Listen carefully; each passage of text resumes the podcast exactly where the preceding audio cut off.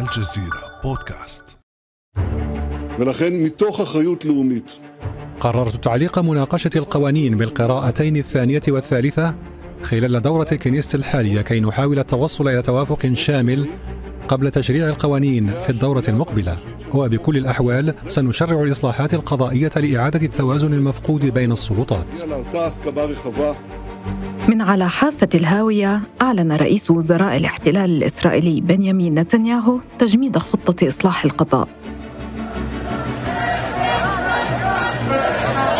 إعلان جاء بعد أشهر من المظاهرات الحاشدة في شوارع تل أبيب لمئات الآلاف من الرافضين لخطة نتنياهو. رئيس الوزراء الإسرائيلي في وضع لا يحسد عليه. فقد عكست نبرة صوته مؤخرا قلقه الشديد من ردة فعل الأحزاب اليمينية المتطرفة في حال تراجع عن خطة إصلاح القضاء. وكذلك من تزايد ظاهرة رفض أداء الخدمة العسكرية بشكل غير مسبوق في الكيان الإسرائيلي. ولكن لماذا بدأ جنود الاحتياط في جيش الاحتلال الإسرائيلي يعبرون عن مواقف سياسية؟ ويرفضون الخدمة؟ وأي دور للجيش في السياسة الإسرائيلية؟ وكيف تؤثر المظاهرات الحاصلة لأول مرة في تاريخ الاحتلال الإسرائيلي على علاقة الجيش بالسياسة؟ وما هي أهم ملامح التغيرات التي طرأت على الجيش خلال السنوات الأخيرة؟ مرحبا بكم في حكاية جديدة من بعد أمس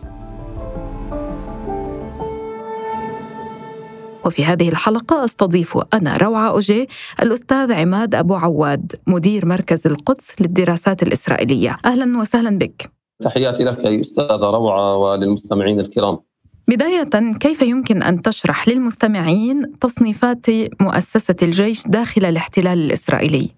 آه، تحياتي لك أستاذة روعة كذلك للمستمعين الكرام. ما من شك عند الحديث عن الجيش الإسرائيلي نحن نتحدث عن المؤسسة الأكثر أهمية والأكثر قوة في دولة الاحتلال بحيث تعتبر هذه المؤسسة البقرة المقدسة.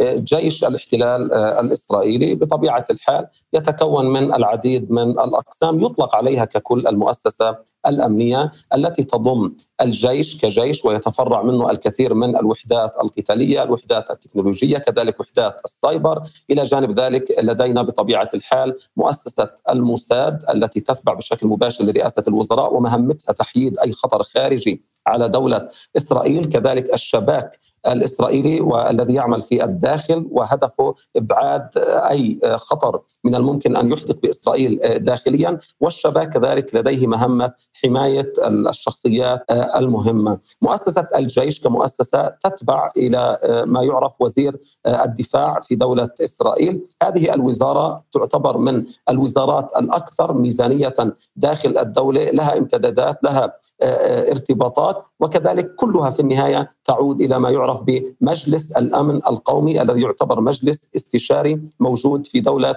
الاحتلال، هناك الكثير كذلك من الأقسام الأمنية منها على سبيل المثال الشرطة الإسرائيلية التي تقدر ميزانيتها كذلك بالمليارات وتضم العديد من الأقسام أهمها مصلحة السجون التي أراد إيتمار بن كفير مؤخرا على سبيل المثال إخضاعها من أجل المزيد من الضغط على الأسرى الفلسطينيين في الداخل المحتل، مؤسسة الجيش مؤسسه كبيرة جدا وضخمة، الإسرائيليين بالمجمل إذا ما تم استثناء الحريديم يشاركون في الجيش وعليهم التجنيد الإلزامي مفروض بعد انتهاء فترتهم من الممكن أن يستمروا في الجيش كجيش نظامي ومن الممكن أن يتوجهوا إلى أعمالهم الأخرى وترك هذه المهمة للآخرين. بن غوريون مؤسس دولة الاحتلال وجيشها يرى أن الجيش لا يقرر السياسة ولا النظام ولا القوانين ولا الحرب ولا السلام، بل هو ذراع تنفيذية للحكومة في مجالات الأمن والدفاع بحسب يعني مفهومه لدور الجيش، هل بقي هذا المفهوم سائدا حتى اليوم؟ يعني هذا المفهوم حتى مع بداية تأسيس دولة الاحتلال لم يكن بهذه الصورة. بمعنى بن غوريون نعم وضع هذه الأسس.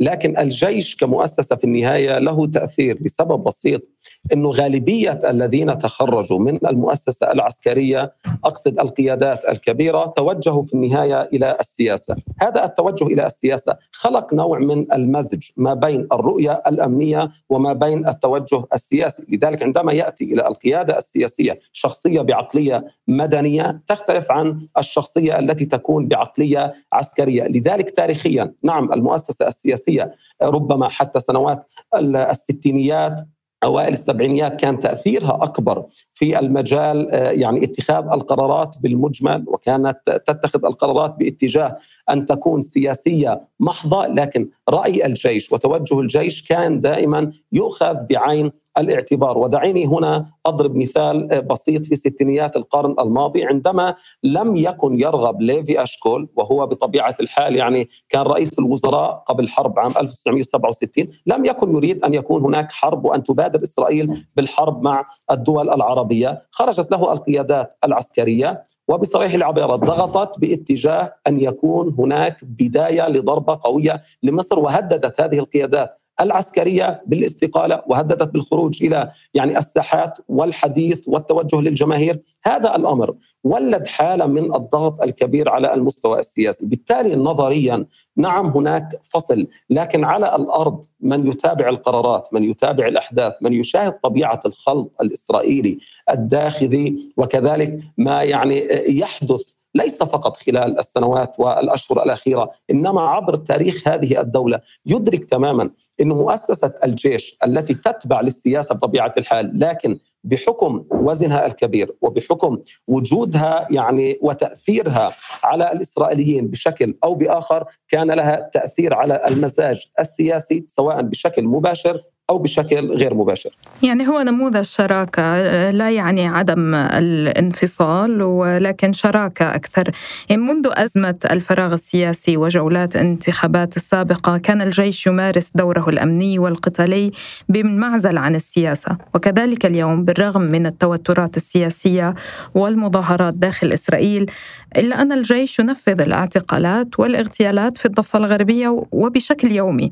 كيف يمكن فهم هذه العلاقة؟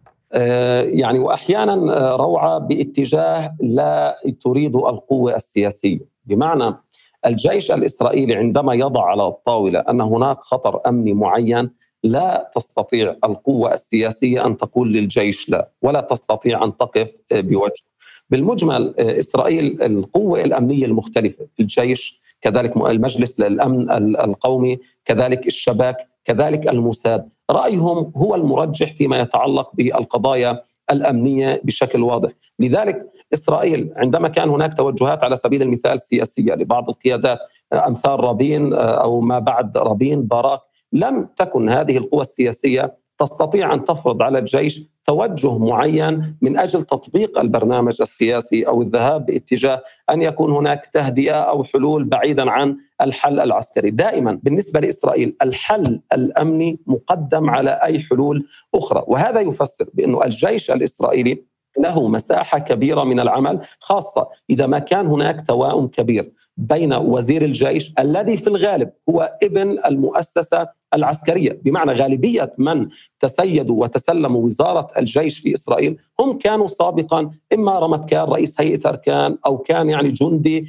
بارز. على سبيل المثال إيهود باراك آه، بيني جانتس آه، وغيرهم رابين غيرهم من القيادات الكثيرة. وبالتالي العقلية الأمنية هنا هي التي تسيطر بشكل كبير إنه السياسي الذي دائما هو في النهاية يتماشى مع الجيش. لكن إذا ما أراد مخالفة الجيش كفت ودفت الجيش ترجح في المجال الأمني لأنه هي ستتحول إلى قضية رأي عام خاصة أن إسرائيل تسوق نفسها على أنها دولة تعاني وتعيش الكثير من المخاطر.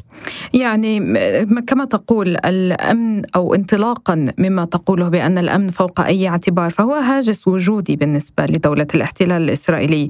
ما هي مكانة الجيش في دولة الاحتلال؟ هل نفهم أنه سيد الكلمة؟ يعني آه، دعيني أقول بأنه آه، ليس بمفهوم آه، سيد الكلمة ومفهوم بأنه هو الذي يحدد المسارات السياسية لكن الجيش هو صاحب الثقل الكبير في في القرارات الاستراتيجية.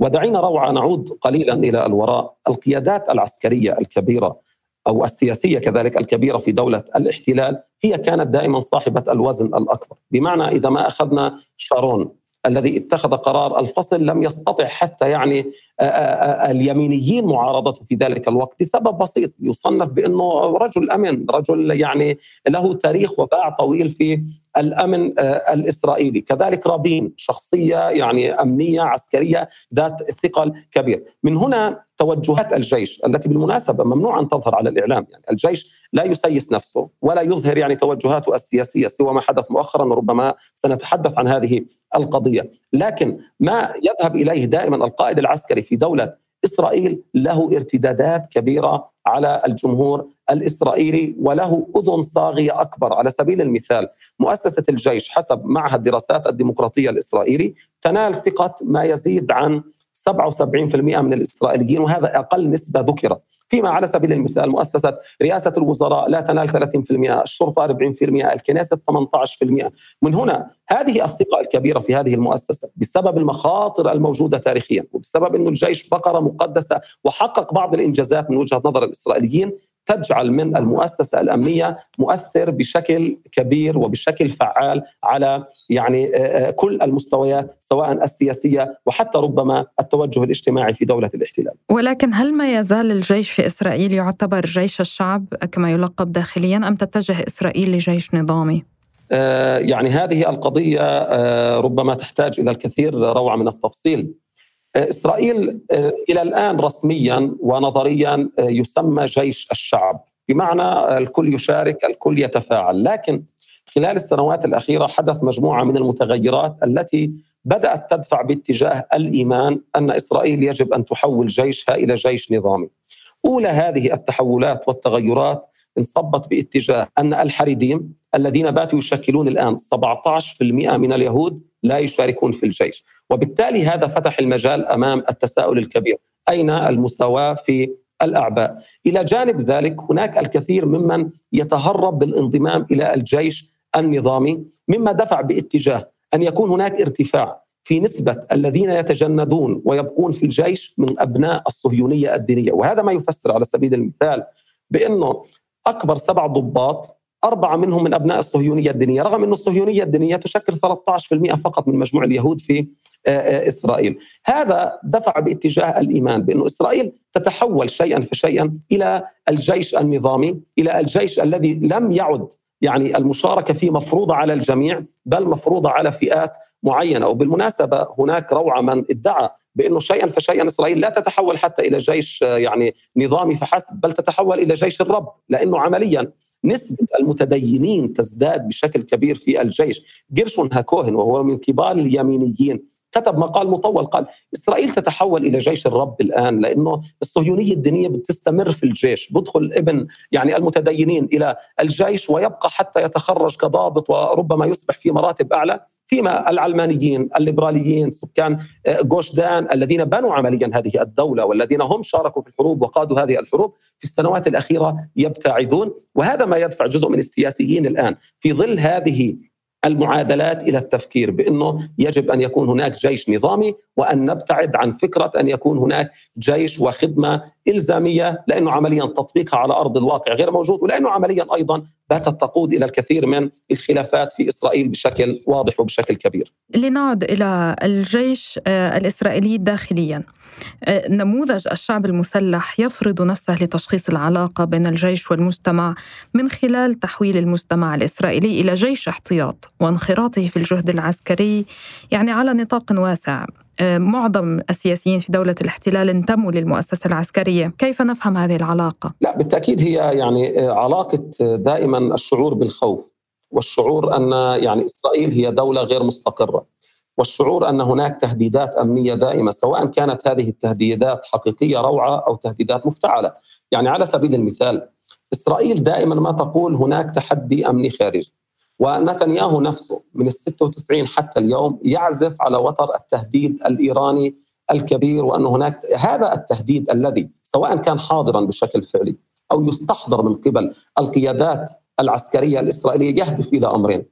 الأمر الأول دفع كل الإسرائيليين باتجاه أن يكون هناك خدمة إلزامية وباتجاه أن يكون هو جندي احتياط لكن الأهم من ذلك دفع الإسرائيليين للوحدة لأنه الإسرائيليين بيقولوا وهناك كاتب في إسرائيل لا يحضرني الاسم الآن كبير كتب وقال لولا التحديات الأمنية لأكل اليهود بعضهم البعض. وهذا ما نراه خلال الفترة الأخيرة بأنه الخلافات والانقسامات بينهم عميقة. وبالتالي جيش الشعب هذا التسلح المهول والكبير الموجود في دولة الاحتلال ينم عن الشعور الدائم لدى هذه الدولة بأنها بالفعل في مأزق أمني سواء كان حقيقي أو غير حقيقي وبأن استحضار الأمن دائما هو الذي يخدم المشروع الصهيوني وهو الذي يدفع إلى جلب الدعم الخارجي وكذلك يزيد من مساحة العمل الأمني الإسرائيلي في اتجاه ضرورة التأكيد على أن يكون هناك وحدة داخلية. من خلالها كذلك يتم استحضار المظلومية يعني العالمية التي دائما ما يتحدث عنها اليهود وما عانوه تاريخيا في أوروبا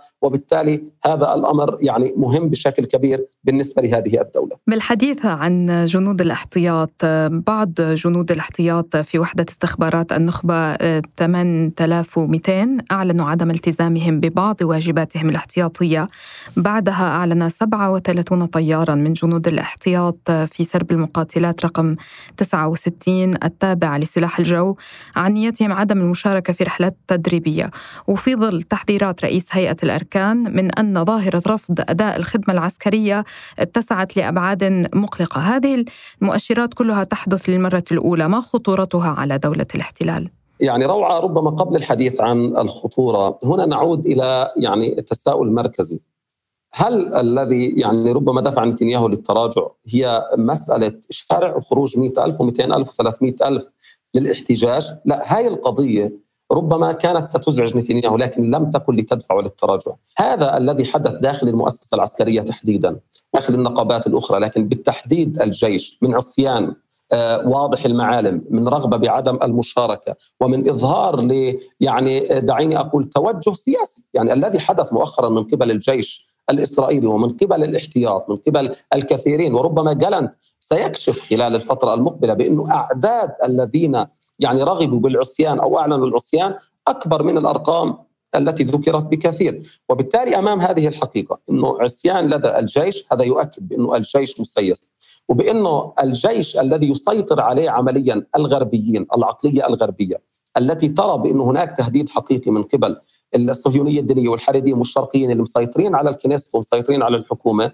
الجيش انضم بشكل مباشر للغربيين الاشكناز الذين أسسوا هذه الدولة واللي بيسيطروا على المؤسسات. نقطة الخلاف الأساسية اليوم في إسرائيل إنه نتنياهو والشرقيين والصهاينة المتدينين والحريدين بوصلوا للحكم لكن حقيقة لا يستطيعون التأثير في الحكم لأنه الذي أسس الدولة تاريخيا هم الغربيين وبالتالي يسيطروا على المؤسسات. وبالتالي عندما شعر الغربيين وعندما نتحدث إحنا عن القيادات اللي خاضت أو قادت المسيرات مؤخرا هي قيادات عسكرية. إيهود باراك يصنف بأنه الجندي الأول في دولة الاحتلال.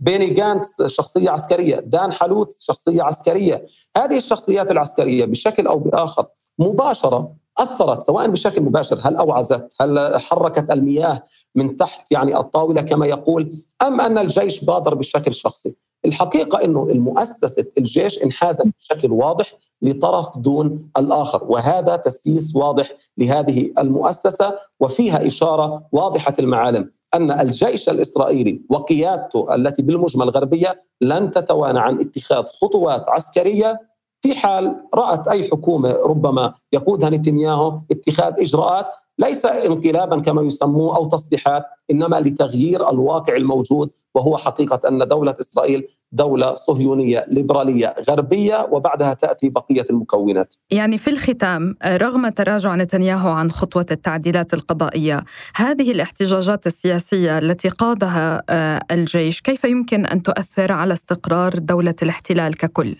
يعني هذا اولا سيفتح المجال آه، إلى ما قيل قبل أيام بأنه من أجل السيطرة على الدولة كما يقول المتدينين الصهاينة والحريديم والشرقيين اللي بشكلوا 60% اليوم من يعني الدولة مرجح إنه نسبتهم ترتفع كمان 10 سنين ل 65% وبعدين يصيروا 70% وبالتالي بصيروا ثلثين مقابل ثلث من الغربيين.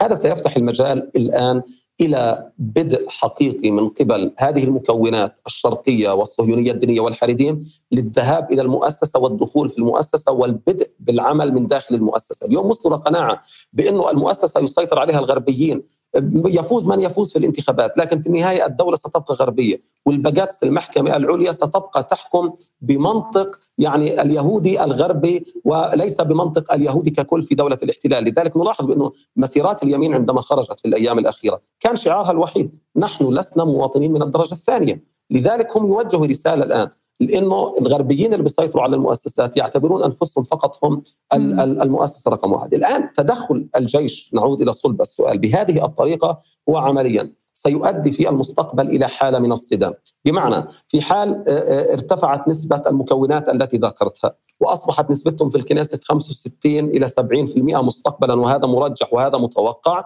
ستكون حدة يعني الانقسام أكبر وبالتالي ربما سيكون هناك صراع حقيقي. هذا من جانب. من جانب ثاني الجيش نفسه مع مرور الوقت هناك كما ذكرت في البداية ارتفاع في نسبة المتدينين الصهاينة في الجيش، لكن لا زالوا ضمن سياق الضباط الصغار لأنه يحتاجون إلى فترة من العمر ليصلوا إلى مرحلة ومركز التأثير. عند وصولهم إلى هذا المركز سيحدث انقسام حقيقي داخل الجيش، بحيث سيكون هناك تنافر بين طرف يريد الحفاظ على قيم أسست عليها الدولة، وبين طرف يريد أن يمارس حقه الديمقراطي الذي من خلاله هو شكل الأغلبية، وبالتالي تدخل الجيش الآن في السياسة عمليا اولا سيولد في الساحة الإسرائيلية حالة من الانقسام يعني حول هذا الجيش ستتنازل وستتراجع نسب الثقة بهذا الجيش مستقبلا سيكون داخل الجيش نفسه حالة من الانقسام الكبير الذي ربما لن تستطيع الحكومات الإسرائيلية يعني علاجه خاصة أن الديموغرافيا في إسرائيل تتغير بشكل كبير وبشكل مهول. شكرا لك أستاذ عماد أبو عواد مدير مركز القدس للدراسات الإسرائيلية. يعطيكم العافية مشكورين على الاستضافة وتحياتي كان هذا بعد أمس.